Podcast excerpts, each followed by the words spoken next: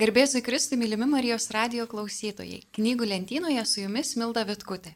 Jeigu siela neišgelbėta, neišgelbėta niekas. Jei nėra ramybės sieloje, nebus ir taikos pasaulyje. Pasauliniai karai tai yra projekcijos konfliktų įsižiebusių moderniųjų žmonių sielose, nes išorinėme pasaulyje neatsitinka nieko, kas pirmiau neįvyko sieloje. Rašo Fultonas Šynas knygoje Sielos ramybė, kurią išleido katalikų pasaulio leidiniai.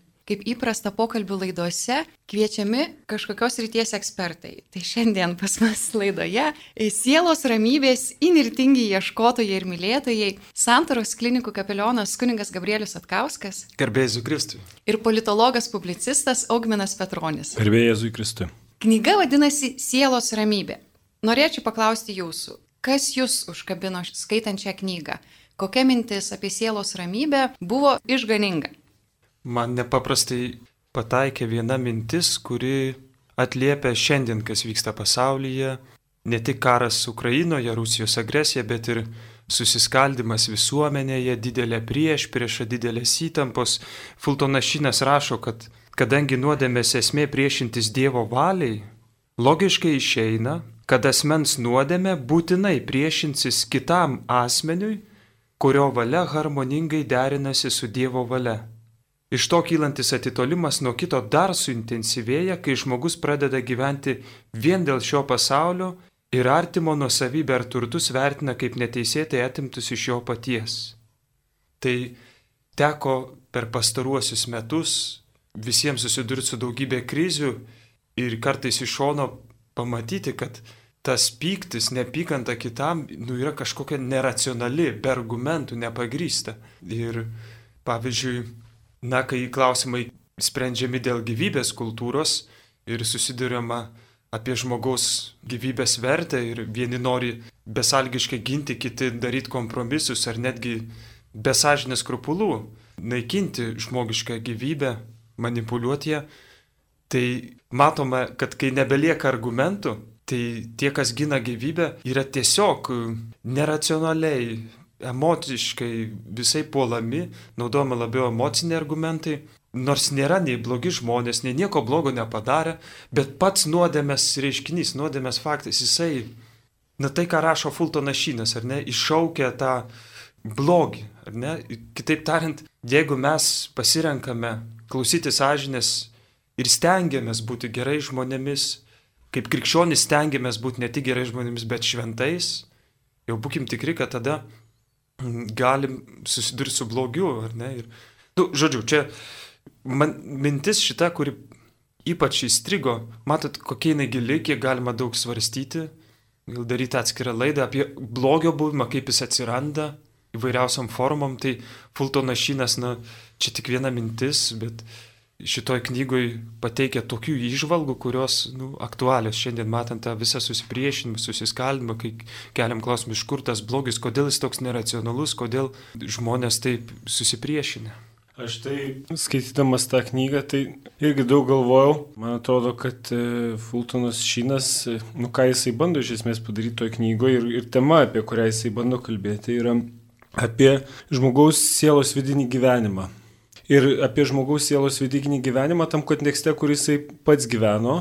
Ir tam kontekste, kur gyveno pats Fultonas Šinas, tai yra apie 20-ojo amžiaus vidurį Amerikoje, buvo labai populiarūs visokie alternatyvūs e, aiškinimai, kaip tas vidinis žmogaus gyvenimas vyksta. Ir vienas iš tų aiškinimų, kuris buvo labai populiarus tuo metu, yra freudiškas aiškinimas. Tai yra aiškinimas, tokia kaip demaskavimo teorija, kuri tai, kas aukšta, paaiškina tai per tai, kas žema tai, kas yra mūsų aukštesnės motivacijos, mūsų tikslai, siekiai, kažkokie gal religiniai išgyvenimai, visa tai turi būti paaiškinta per konfliktus tarp mūsų tokių žemesnių instinktų, kaip e, lytinio troškimo, e, saugumo troškimo ir, ir, ir panašiai. Tam kontekste Fultonas Šinas bando kalbėti žmonėm apie tokius vidinio gyvenimo dalykus, kaip, e, kaip nuodėmė kaltė, kaip viltis, kaip troškimas prieartėti prie Dievo. Man atrodo, kad jis tą daro paveikiai.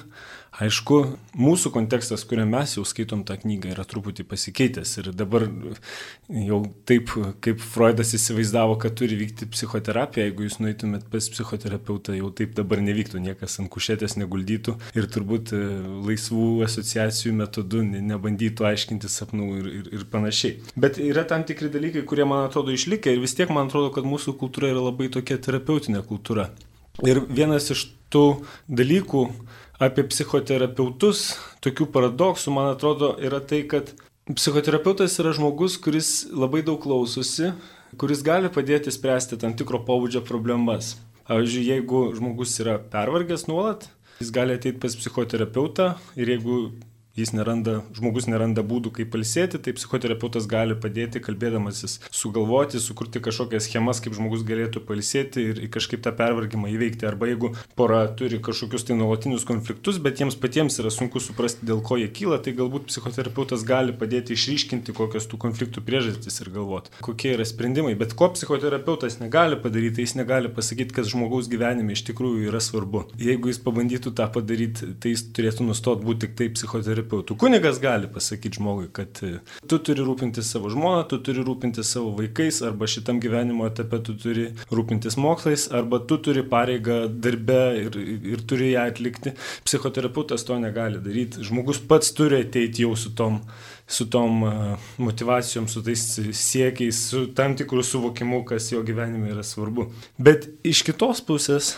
Ir aš neseniai apie tai kalbėjau su viena savo bičiulė psichoterapeutė, kaip tik skaitydamas tą knygą, kavinėje ją sutikau ir, ir, ir mes pasikalbėjom. Yra tai, kad žmonės labai dažnai eina pas psichoterapeutus ieškodami prasmės.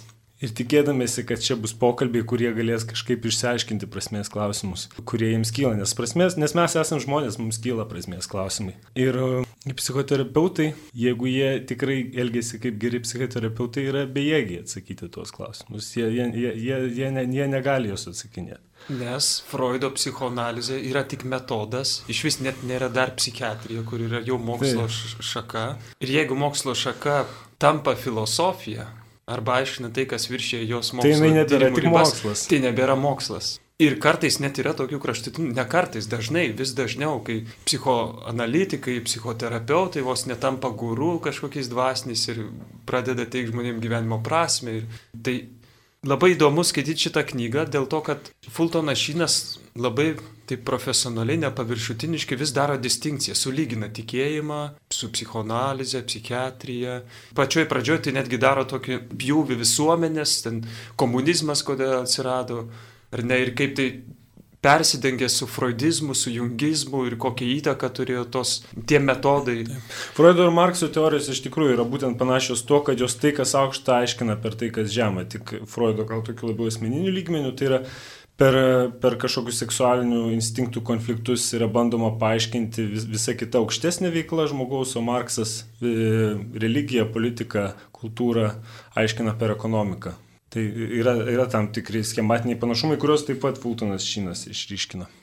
Man labai patikusi mintis, irgi psichoanalizės kontekste, taip pat ir komunizmo kontekste, Fulno Šino įvardinimas, kad žmonės labai skeptiškai žiūri į išpažinti kaip nereikalingą dalyką, jos atsisako ir apskritai religinio gyvenimo, bet tada suvokia, kad kažkaip išpažinties reikia ir tradicinius maldos metodus ištraukia kažkokiu modifikuotų būdu nureligintus kaip, pavyzdžiui, per išpažinti, tu turi pripažinti savo kaltę, tai dabar yra viešai kaltinamos žmonių grupės, jūs čia privilegijuoti, jūsų sluoksnis nusikalto visiems.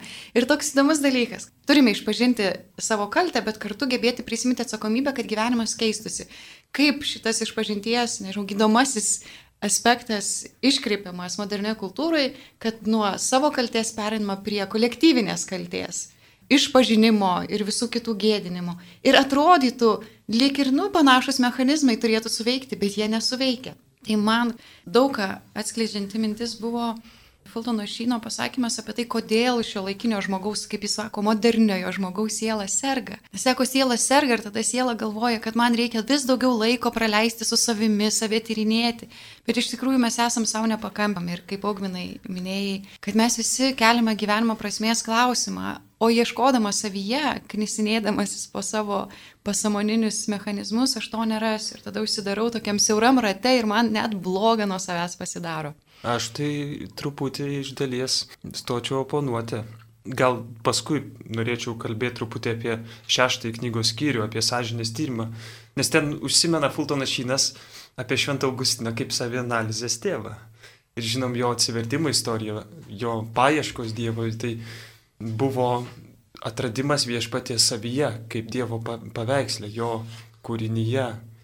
Ne, jis ieško filosofijose, moksluose, menuose, malonumuose, visur išoriai pasaulyje Dievo, bet galiausiai sako, tu visą tą laiką buvai manyje. Atsakyčiau, va ta krikščioniška savianalizė, tokia su tikėjimu, su tais metodais psichiatrijos gali duoti nepaprastai daug vaisių. Bet jeigu bus izoliuota tik tai psichoanalizė, o dar paversta filosofija kaip panacėja, tai tada vargas mum ir tą Fultoną Šynas dažnai nenori naudoti to žodžio kritikuo, nes jisai iš tiesų labai nenaudoja emocinių kažkokių, labai profesionaliai, kuo suprantamiau bando va taip sulyginti, palyginti. Ir, pažiūrėjau, sako Freudo psichoanalizės metodo prielaidos, kokios yra trys. Sako, nuodėmės nėra, neegzistuoja nuodėmė. Taip pat nuodėmė tai yra socialinių normų ir tabų pripažinimas. Ir net tada mums reikia greuti. Ir mes matom tą šiandien. Matom ypač seksualiniai, moraliai visiškai freudizmas, sugriauti visas normas, pavyzdžiui, drovumą panaikinti jau mokyklose vaikuose. Kad... Ir trečia, Freudo viena iš prielaidų - subjektivizmas. Kitaip tariant, kiekvienas pats savarankiškai nusprendžia, kas jam yra gera, o kas bloga. Svarbu, kad kitam nekenkti, toks liberalizmas. Ne? Tai, tai labai persidengia su, su šio laikinio mąstysena, ar ne? Ir, bet tada tai tampa neramybės priežastim, tokia tikrąją neramybės priežastim. Aš tai matau, manau, kad, kad kas šitoje knygoje taip yra gerai užgriebiama, yra tai, kad e, toks bandymas grinai moksliškai žiūrėti žmogų. Žmogų kaip į būtybę, kurio visa veikla yra instinktų ir instinktų konfliktų išdava. Atima iš žmogaus kažką, kas yra toks, pavadinčiau, et, etinis žmogaus vaizdinys. Žmogaus kaip laisvos būtybės, kuri yra atsakinga už tai, ką daro vaizdinys. Ir gal kartais tai gali veikti kaip išlaisvinimas, nes jeigu tu esi savo instinktų kalinys, tai tu nesikaltas dėl nieko, ką tu darai. Tada gali sakyti, kad kaltos yra aplinkybės, ar, ar, ar, ar dėl kažkokių tai nesėkmių gyvenime, ar dėl kažkokių žaizdų traumų ar kompleksų, kuriuos tu galbūt ir ryškini per, su, su, su savo psichoterapeutu ir, ir save vis analizuoji, ir tada yra kalti kiti. Bet jeigu tu esi laisva būtybė, tai kaltas, kaltas esi, esi, esi tu, nes tu, tu darai pasirinkimus. Ir man atrodo, kad tas toks etinis žmogaus vaizdinys, jisai viena vertus, jisai verčia pripažinti, kad, kad esi kaltas, bet tuo pačiu jisai suteikia tam tikrą orumą, kuris yra laisvos būtybės atsakingos už, už, už tai, ką jinai daro orumas. Ir man atrodo, kad e, jo, būtų liūdna tai prarasti, jeigu tai. mūsų kultūra tai prarastų. Pultonas Šinas būtent tą gina ir primena ir jis sako, kad mes turėtume kritiškai žiūrėti tą psichoanalizę arba psichiatrijos kažkokias rytis, pakrypas, kur laikomasi prielaidos, jog žmogus yra gyvūnas be laisvos valios, o religija tai yra iliuzija. Ir jisai sako, kad tai jau, na, šitoks metodas, freudiškas metodas, jis tampa prietaru. Ne, tai mes turim tokio tiesojo išlikti. Ir tai yra paradoksas, nes šis metodas turėtų būti gydantis metodas, bet vienintelis būdas žmogui gydyti yra pačiam prisimti atsakomybę už savo gyvenimą. Ir čia yra, sakyčiau, iškreiptos užuojotos problema, kurią aš pati matau. Pavyzdžiui, dirbdama mokykloje, pas mus ypač po pandemijos labai daug vaikų buvo su diagnozėmis, depresija. Ir mums buvo duoti nurodymai, kad su šitais vaikais elkite skirtingai negu su kitais, kažkaip atsižvelkite labiau į juos, nuleiskite ne visko atsiskaityti ir taip toliau. Nu, žodžiu, būkite jiem atlaidesni. Ir iš vienos pusės iš tikrųjų žmogui, kuriam yra sunku, reikia prie jo truputį švelniau prieiti, padėti jam rasti savo terminus, kada gali atlikti darbus. Bet vienas nurodymas, kurio aš negalėjau laikytis, man sakė, nu tu parašyk dešimtuką, aš sakau, vaikas nesiskaitė, trūksta pažymų pažymių, negaliu išvesti pusmečio, nu tiesiog parašyk. Ir sakau, ne, nu aš nenoriu vaikui už nieko nepadarimą rašyti pažymį, nes noriu, kad jis prisimtų atsakomybę už savo gyvenimą ir išmoktų, kad aš kažką galiu. Aš vis tiek esu atskaitingas pasauliu, iš manęs kažko tikisi. Ir mane žiūrėjo kaip ir labai žiaurę mokytoją, kuri, kai ateina vaikas ir nieko neišmokęs ir parašo penkis, sakau, bet tu gali geriau, galim, jeigu nori kitą kartą padaryti, bet nu dešimtuko nebus. Šis įvardinimas buvo labai taiklus Fultono Šino knygoje. Jūs norite gydyti žmonės, bet gydimas, sielos gydimas arba psichikos gydimas įmanomas tik tai, kai žmogus jaučiasi galintis kažką padaryti. Man atrodo, kad yra labai daug žmonių, kuriems psichoterapija vienai per kitaip padėjo, bet e, ką psichoterapija gali padaryti, tai jinai, kai tu žinai, žinai, kad esi taške B ir nori nuvažiuoti kažkur, kur maždaug įsivaizduoji, kur yra taškas A, jinai galbūt gali padėti. Jeigu, jeigu tu nuolat susiduri su emocinių skausmų, kuris yra toks, kad tu sunkiai gali dirbti ir tau reikia kažkaip tai išspręsti, tai galbūt jį gali padėti. Jeigu tu esi nuolat pervargęs ir nemoki palisėti, galbūt tau gali padėti rasti būdus, kaip palisėti. Bet psichoterapija negali atsakinėti prasmės tokius esminius klausimus apie tai, kas yra gera ir svarbu gyvenime. Kartu psichoterapeutas, jis vis tiek dirba su kažkokia žmogaus samprata, tu negali išlipti Na, iš supratimo, kaip aš matau, koks yra laimingas žmogus, sveikas žmogus ir tada į tai tu kreipi savo pacientą. Ir nuo to, kaip matys, koks yra žmogaus idealas. Aš čia dabar rodau kabučių ženklą, bet iš tikrųjų tikslas, kurio aš siekiu, kaip aš suprantu sveikatą, pagal tai jis taikys metodus ir veš šią kryptimį. Ir čia yra paradoksas, kad ypatingai psichiatrijai, visi gydytojai turi sveikatos sampratą, bet ypatingai psichiatrų sveikatos sampratą paveiks jų gydimo metodus tikslių metodų taikymą. Ir Mes tą turime žinoti, eidami pa šios ir tie specialistus, kuriuos aš labai mėgstu, matau, kad tai labai reikalinga. Mes turime kažkaip pasitikrinti, kaip šitas žmogus mano, kur aš turėčiau nueiti, kaip sakė Jaubinai, kur yra ta kryptis, kurios link jis mane veda, nes kažkokiu būdu vis tiek veda. Bet dar norėčiau sugrįžti prie minties apie sielos ramybę, apie tai, kad žmonės serga, nes tiesiog yra užsidarę savyje, kur kunigas Gabrielis paprieštaravo. Taigi Augustinas vadinamas savianalizės tėvu. Ir iš tikrųjų Fultonas Šynas pabrėžia, kad ši savianalizė yra tikrai nesvetima nei antikiniai graikų kultūrai, nei krikščioniškai kultūrai. Jie paremtas sveiko žmogaus, sveikos sielos gyvenimas. Bet iš kitos pusės jis sako, kad modernaus žmogaus problema yra ta, kad jis užsidaro savyje, jis galvoja, kad jeigu mano siela serga, aš labai liūdnas, tas pasaulis baisus, viskas griūva, krenta, mūsų natūrali reakcija, tai man reikia kažkaip savyje rasti sprendimo būdą. Ir čia yra paradoksas, kurį parodo arkiviskupas Fultonas Šynas. Iš vienos pusės man tikrai reikia grįžti į savo vidinį gyvenimą, bet iš kitos pusės aš turiu suprasti, kad aš negaliu būti savo vidinio gyvenimo šaltinis, nes aš ieškau kažko daugiau už savęs. Tai yra šio laikinio žmogaus problema, kad mes bandome tapti savo patiems pakankami.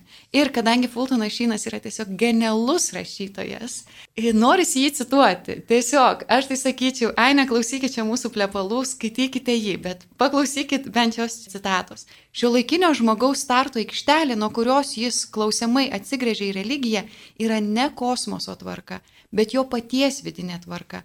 Nematomi pasaulio dalykai, bet jo paties asmenybės nematomos frustracijos, kompleksai ir nerimastys mum neramu sieloje, nes greičiausiai mūsų gyvenime trūksta gero turinio, gero kontento, kaip pasakytų jaunimas. Mes ieškam prasmės, už kurios galėtume užsikabinti, bet mumise jos nėra. Mes sukurti, nukreipti į kurieją ir jeigu jo netrandame, užsispazmuoja, pamatę savo trūkumus ir tiesiog gyvename šito trūkumo savianalizę. Ir tada iš tikrųjų, save matant iš tokios perspektyvos, gali prieiti prie išvados, gal aš tikrai esu gyvulys mano instinktai labai dažnai mane valdo. Taigi man reikia perspektyvos anapus manęs, kad pamatyčiau savo, savo žmogišką didingumą, savo sielos didingumą. Tai tik tiek norėjau atsakyti, tiksliau papildyti. Taip, ir dėl to Fultonas Šynas, jis sako, norintiems įgyti sielos ramybę, jo siekti, reikia trijų dalykų. Pirma, valdyti troškimus. Iškia, nepasilikti tik gyvuliškų instinktų lygmenyje ugdytis darybės, įpročius, reflektuoti, savį analizę turėti, nu, ta prasme, suprast, kad aš gyvenu ir gyventi su protu, o ne tiesiog egzistuoti. Tai jis, aišku, apie tai kalba plačiai, išsamei, daug giliau, negu aš dabar čia rezumuoju, bet antras būdas, ne būdas, dalykas, ko reikia, šalia troškimų valdymo, antra, perkelti rūpestį nuo kūno prie sielos. Vis tik prioritetas siela turėtų būti, ne Ne kai jau blogai, kai jau skauda, kai jau kai einam pras dantistę, kai sugenda, ne, bet kasdien rūpintis dantim, nu, čia tokia analogija, bet siela pirmiau. Ir kaip vienas šventasis sako, aš noriu, kad ne mano kūnas vadovautų mano sielai, bet kad mano siela vadovautų mano kūnui. Ne? Taip turėtų būti tokia tvarka atkurta. Ir trečia, atsiduoti Dievo valiai. Atsiduoti Dievo valiai. Vat, būtent, nesu savo pakankamas. Taigi, Anot Fultono šino sielos ramybė aplanko tuos, kurie rūpinasi teisingais dalykais. Pats teisingiausias siekti savo laimės, kuri yra Dievas. Ir, ir jis sako, kol mes Dievo nepasieksim, tai būsime nuolatinėme tame susirūpinime, toje tam tikroje neramybėje. Negebėsim niekada nurimti laikę, kodėl nes esam sukurti amžinybei. Ne? Ir to Tomas Akvinėtis sako, didžiausia mūsų baime tai yra mirties baime kadangi buvom sukurti amžinybė. Ir, ir kol yra ta rizika mirti, kol nebūsim visi prikelti, kol neįvyks paskutinis teismas, ta didžioji psichoanalizė, kabutėse sako, Fultonas, kai viskas bus atidengta, visos žmonių mintis, viskas išeis į tiesą, viskas bus iškelta iš tų tamsių pasąmonių ir bus atnaujinta Kristuje, tol mes nu, būsime tame nuolatinėme nerime. Kaip sako šventas Augustinas, ar ne? Tu mūsų kūrei savo ir nerami mūsų širdis, kol neatsilsės tavyje. Čia norėčiau pantrinti. Iš tikrųjų, egzistencinis nerimas yra geras dalykas ir kai jį sumaišai su psichologiniu nerimu, kuris kyla iš tavo išsibalansavusio vidinio gyvenimo, tu gali pradėti malšinti egzistencinį nerimą, kai iš tikrųjų jis yra kvietimas ieškoti daugiau, nes mes esam sukurti aukštesniam gyvenimui, ne tik tai kažkokio e, instinktų kūniško ligmens gyvenimui, ir net ne šiaip maloniam gyvenimui, bet prasmės pilnam gyvenimui.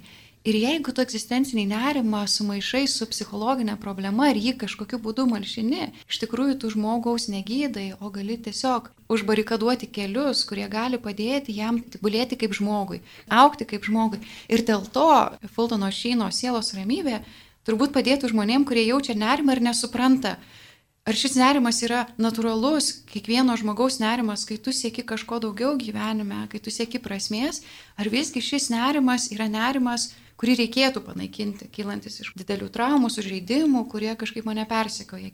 O gali būti, kaip sako Fultonas Šinas, kad jie yra susikibę abu.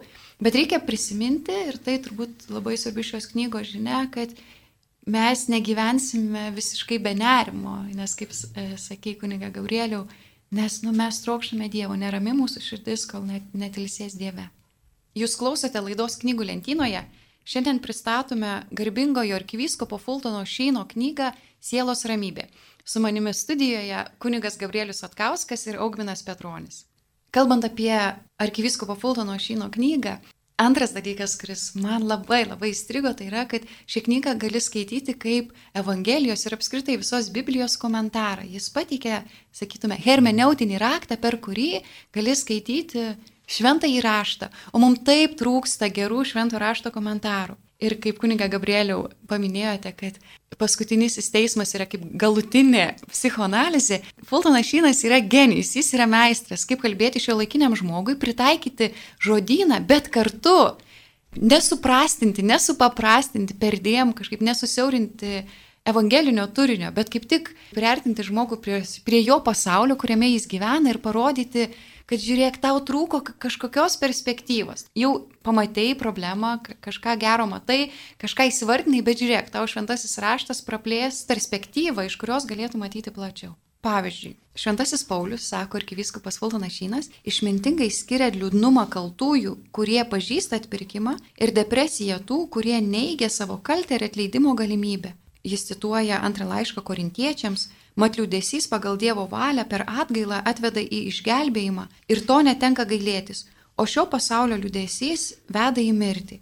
Tai šioje knygoje Fultono Šyno sielos ramybėje rasite daugybę vietų, šventojo rašto vietų, kurios sužyba visai kitame kontekste, atrodytų mums neįprastame kontekste. Mes skaitome šventąjį raštą ir suvokiame, kad tai iš tikrųjų yra apie mūsų gyvenimą. Žinoma, tai ne vienintelė knyga, kuri priartina evangelinę žinę prie mūsų gyvenimo, bet Fultonas Šinas tiesiog yra genialus tą darydamas.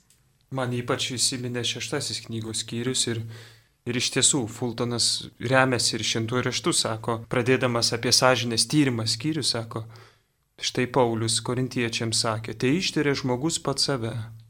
Kitoje vietoje, patikrinkite patį save ar laikotės tikėjimu, ištirkite save. Arba panašiai kalbėjo ir Jeremija savo tautai, ištirkime ir patikrinkime savo kelius, grįžkime pas viešpatį. Škia tikrai toks yra biblinis pagrindas ir štai, pažiūrėjau, šeštam skyriuje apie sąžinės tyrimą, Fultonas Šynas sako, kad čia labai sena praktika. Mes vis tiek dažniausiai galvom, čia gal labiau su šventuoju Ignacu yra susiję, ne su, su jezuitišku dvasingumu, bet pasirodo, kad čia sąžinės tyrimas jisai yra labai labai sena praktika. Paradoksalu, Freudas bando sąžinės tyrimą pakeisti pasąmonės tyrimu. Ne, tarsi vat, vėl ta psichoanalizė tampa tokia, kur neigianti nuodėmė ir pateikianti kažkokią panacėją, bet tada visiškai kitaip sprendžianti tą žmogaus kalties problemą ir jį net gali suluošinti kažkaip, nes atima orientyrus gyvenimo prasmės arba nepa, nepadeda jų surasti. Tai žodžiu, čia vėl nenoriu plėsis, bet apie sąžinės tyrimą. Fultonas Šinas rašo irgi šitą temą, bet gal labiau ne dvasingumo teologija, bet jis čia visko įpina. Ir pavyzdžiui, jisai, jis sako, jau graikai, graikai, ar ne, vadovavosi tuo Sokrato moto pažink save ir nieko daugiau, pažinti save, ar ne toksai kvietimas į tokią sveiką savianalizę, protingą. Sokratas tai vadino sielos rūpeščių. Ir pavyzdžiui, krikščioniškam dvasingume Žmogus, kuris savo, nesirūpina savo sielą, pamiršė savo sielą, mes vadinam tą įdą akediją. Akedija, ar ne? Nerūpestis savo sielą. Tai jau graikai kvietė rūpintis savo sielą ir Sokratas tai vadino sielos terapija. Sielos terapija, ne? Toks savęs pažinimas. Stoikai Seneka rekomendavo kas vakarą ištirti savo sielą, nes juo labiau doras žmogus įsigilina į save, tuo didesnė jo ramybė. Ne, jau Seneka. Markas Aurelijus irgi yra parašęs veikalų, kur jisai rašo, kaip tyria savo sielą pagal savo sąžinės principus, kiek jisai ištikimas jiems yra. Na ir, ir ką jau buvo minėję, Fultonas Šinas mini Šventąją Augustiną kaip savianalizės tėvų ir iš tiesų, kas esam skaitę išpažinimus, tai yra, na, knyga nepaprastai gili savianalizė, savo atsivertimo, savo kelionės į Dievą, savo klyskelių. Augustinas yra genijus, taip nuostabiai tai aprašo.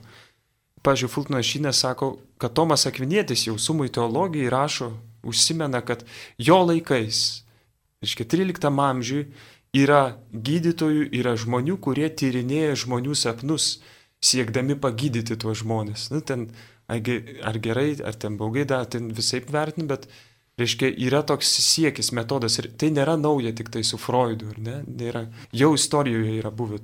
Na, tai sąžinės tyrimas, jeigu taip apibendrinant, aš čia visko nepasakosiu, ką Fultonas Šinas rašo, bet yra nuostabu, kad jisai būtent ne tik iš dvasingumo teologijos apie tai kalba, bet peržvelgia istoriją ir, ir remiasi šventųjų raštų ir lygina su psichologija, psichoanalize. Bet žodžiu, apibendrinant, prisimenu dar kad šventą Ignacą, kuris sako, kad jeigu mes per dieną nerandam laiko maldai, bendravimui su Dievu, tai turim bent šiai maldai surasti, bent kelias minutės. Tai būtent sąžinės patikrinimui. Būtent tai tokiai savianalizai. Kodėl? Leiskite jum paskaityti, nes, kaip rašo Fultonas Šynas, ką daro sąžinės tyrimas? Jis į paviršių iškelia paslėptas dienos nuodėmes, stengiasi atrasti pikdžiulės, kurios stelbia Dievo malonės augimą ir naikina sielos ramybę. Ne, tai yra sąžinės tyrimas konkretus metodas siekiant sielos ramybės. Toliau, tai mintys, žodžiai, darbai, įvykdymo ir neveikimo nuodėmės. Neveikimas tai gėris, kuris liko nepadarytas. Netėjai pagalbas tokončiam artimui, sielvarto prisilėktiems neištariai pagodo žodžio, Įvykdymo nuodėmės - tai pikdžiugiškos pastabos, melagystės, nesažiningi veiksmai ir septyni sielos duopkasiai. Net tos didžiosios sydos taip vadina duopkasiais. Kokie - savimėlė, netvarkinga pinigų meilė, godumas, nesantokiniai lytiniai santykiai, gašlumas, nepykant ar ne kaip mes įvardėm brūstumas, pilvapenystė, tai vadina persivalgymu ar persigėrimu, pavydas ir tingumas. Be to, dar dera atlikti ypatingąjį sąžinės tyrimą.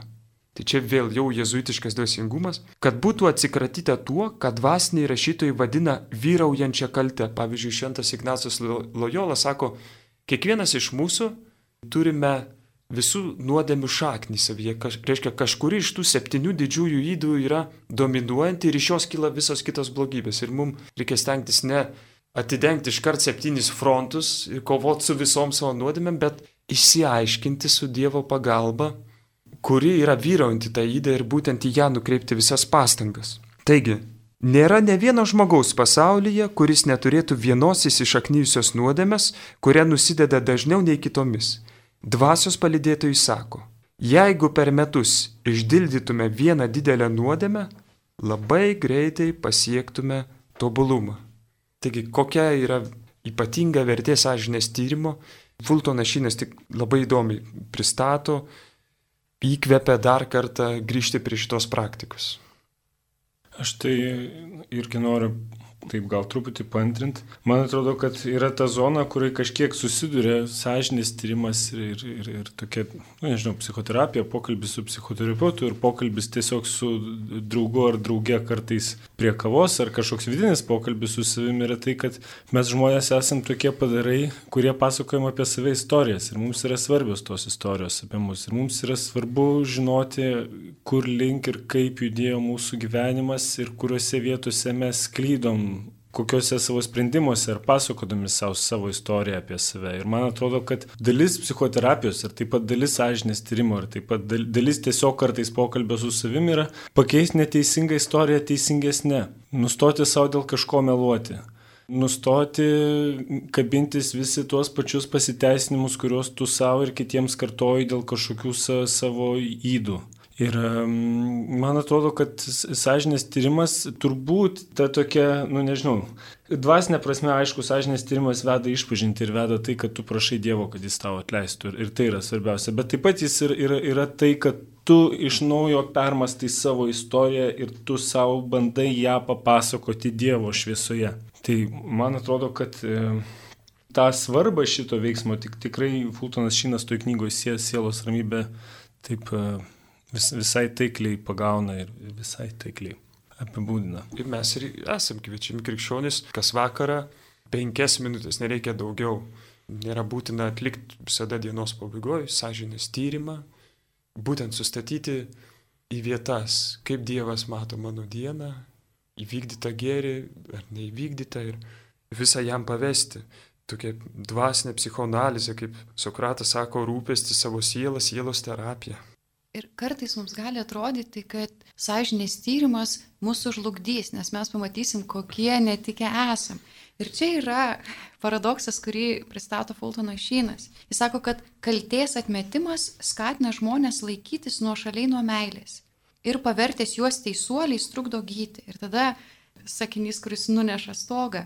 Tiesa, kad ištyrę savo sąžinę patys savo atrodome nemylėtini. Ir būtent tai skatina mus trokšti Dievo juk jis vienintelis myli mus nemylėtinus. Čia turbūt svarbus padrasinimas, paraginimas, pripažinę savo kaltę, mes kartu suvokiame, bet aš tai noriu daugiau, vadinasi, yra daugiau, aš noriu geriau gyventi. Kalties pripažinimas man atveria perspektyvą, kad gyvenimas gal, gal įmanomas ir be kalties. Ne tai, kad aš galiu būti tobulas, bet yra kažkas, kas nori man daugiau. Ir tai pabrėžia garbingasis arkivyskupas Fultonas Šynas, sąžinė sąskaita visą laiką vyksta Dievo meilės akivaizdoje. Tiesa išlaisvina, ar ne? Taip.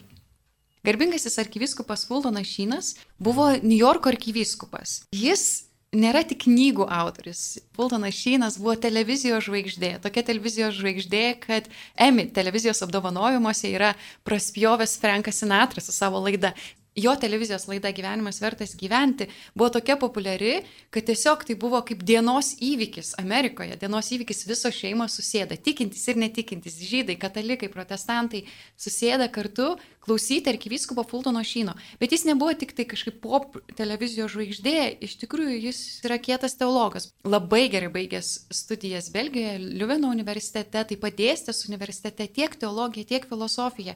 Ir ši jo erudicija tiesiog veržėsi pro kiekvieną sakinį. Bet erudicija, teologinis išprusimas ir filosofinis išprusimas veržėsi neapsunkindama šią knygą, bet tiesiog padėdama susijęti gilės filosofinės idėjas su mūsų kasdieniu gyvenimu taip pat evangelinės tiesas priartindama prie mūsų kasdienybės. Tad baigiant laidą norėčiau paklausti, kam rekomenduotumėte šią knygą? Kokiam žmogui? Aš manau, kad bet kuriam tikinčiam žmogui, kuris lankosi pas psichoterapeutą arba arba studijuoja psichologiją, ar pats ruošiasi būti psichoterapeutu, būtų prasminga perskaityti šitą knygą. Ne dėl to, kad tos teorijos, apie kurias daugiausiai diskutuoja Šinas, yra tai, kas dabar yra madingiausia. Ne? Freud, Freudas yra 20-ojo amžiaus vidurio mada, po to atslūgo ir daug kas buvo užginčyta, persvarstyta ir, ir, ir, ir dabar jau tai, kaip Fultonas Šinas rašo apie tokią freudistinę psichoterapiją, jau dabar jinai taip nebevyksta. Bet veikiau dėl to, kad man atrodo, kad iš to, ką aš esu skaitęs, apie krikščionybės ir, ir tokio, nu nežinau, psichoterapijos, psichoanalizės santyki, man atrodo, kad čia galbūt yra vienas iš sėkmingiausių arba sėkmingiausias bandymas. Man atrodo, kad jis tikrai taikliai nužymi tam tikras ribas, pripažįsta, kad kaip gydimas psichiatrija ir psichoterapija gali būti reikalingas ir sėkmingas. Jis taip pat labai taikliai nurodo, kur yra tam tikros pilkosios zonos klausimai, kaip aš sakiau, tie tokie esminiai klausimai apie prasme ir, ir, ir kas yra gera gyvenime, į kuriuos psichoterapija pati iš savęs negali, negali duoti atsakymą. Tai man atrodo, ta prasme tai yra labai sėkmingas bandymas ir tikrai žmonėms, kurie kažkaip susiduria su psichoterapija, ar patys lankydamėsi, ar, ar studijuodami, ruoždamėsi būti psichoterapeutais, aš tą knygą rekomenduočiau. Čia daug visko persidengia ir ir religijos psichologija, ir, ir šiek tiek biblistikos, ir moralės teologija, sociologija, filosofija, etika. Tai šita knyga, sakyčiau, jeigu jūs taip va šiai akimirkai norite nusiraminti, kažką nusiraminimui paskaityti, tai neapsigaukit. Viršelis yra nepaprastai gražus, jaunuolis prie jūros, toksai sielos ramybė, taip gražiai parašyta, bet vis tik čia labiau yra tokia knyga dvasiniam skaitimui, gal asmeniniams tokioms studijoms, tikrai išsilavinimui gilinti dvasingumo ir ryšyje su psichologija, ar ne, Vat su lyginimui, kad pačiam geriau orientuotis, kad dvasinių dalykų nemaišyti su psichologiniais, kad sugebėt kažkaip atskirti, nes žinom, kaip ir dvasinių yra visokių dalykų ir gerų ir blogų, taip ir psichologinių, ir ne, kad iš tiesų išsigryninti. Bet aš sakyčiau, apibendrinant, šita knyga yra tiem, kurie ieško cielos ramybės ir mes jos iki gal niekad nerasim, tik Dievuje. Ir tikrai bus puikiai pagalba ir jinai mus moko būti sažiningais. Sielos ramybę rasime, jeigu busim sažiningi. Ir tai iš esmės yra knyga apie sąžinę, mano sąžinę, kaip man geriau ją išgirsti, kaip ją vadovautis, kad galėčiau vis labiau artėti prie Dievo, kuris ir yra mūsų visų ramybė išsipildymas. Pati šią knygą rekomenduočiau tiems, kuriems sunku eiti iš pažinties kurie galbūt labai apsidžiaugia po kiekvienos išpažinties, bet labai sunkiai prisiverčia nueiti ir turi vidinį nerimą dėl to ir kažkaip kaltina save. Tai galbūt ši knyga būtų pagalba dažniau eiti iš pažinties ir su didesnė meilė. Na, o žinant visas Fultono Šino knygas, kokios yra to turinio, tikrai gero turinio, tai kas turit laiko apskritai domitės ir šviečiatės įvairiose srityse, tai vienareikšmiškai yra rekomendacija kaip gera, vertinga knyga, nebus nei sugaištas laikas ir daug labai išvalgų, kurios paskui lyg galėsite vystyti, diskutuoti ir kažkaip toliau gilinti. Gera idėja. Tai galėtų būti knygų klubo grupėje skaitoma knyga, apie kurią diskutuojama. Tikrai verta dėmesio. Jūs klausėte laidos knygų lentynoje. Šiandien pristatėme garbingojo arkiviskopo Fultono Šino knygą Sielos ramybė. Su jumis studijoje buvo kunigas Gabrielis Atkauskas, politologas, publicistas Augminas Petronis ir aš Milda Vitkutė. Sudė.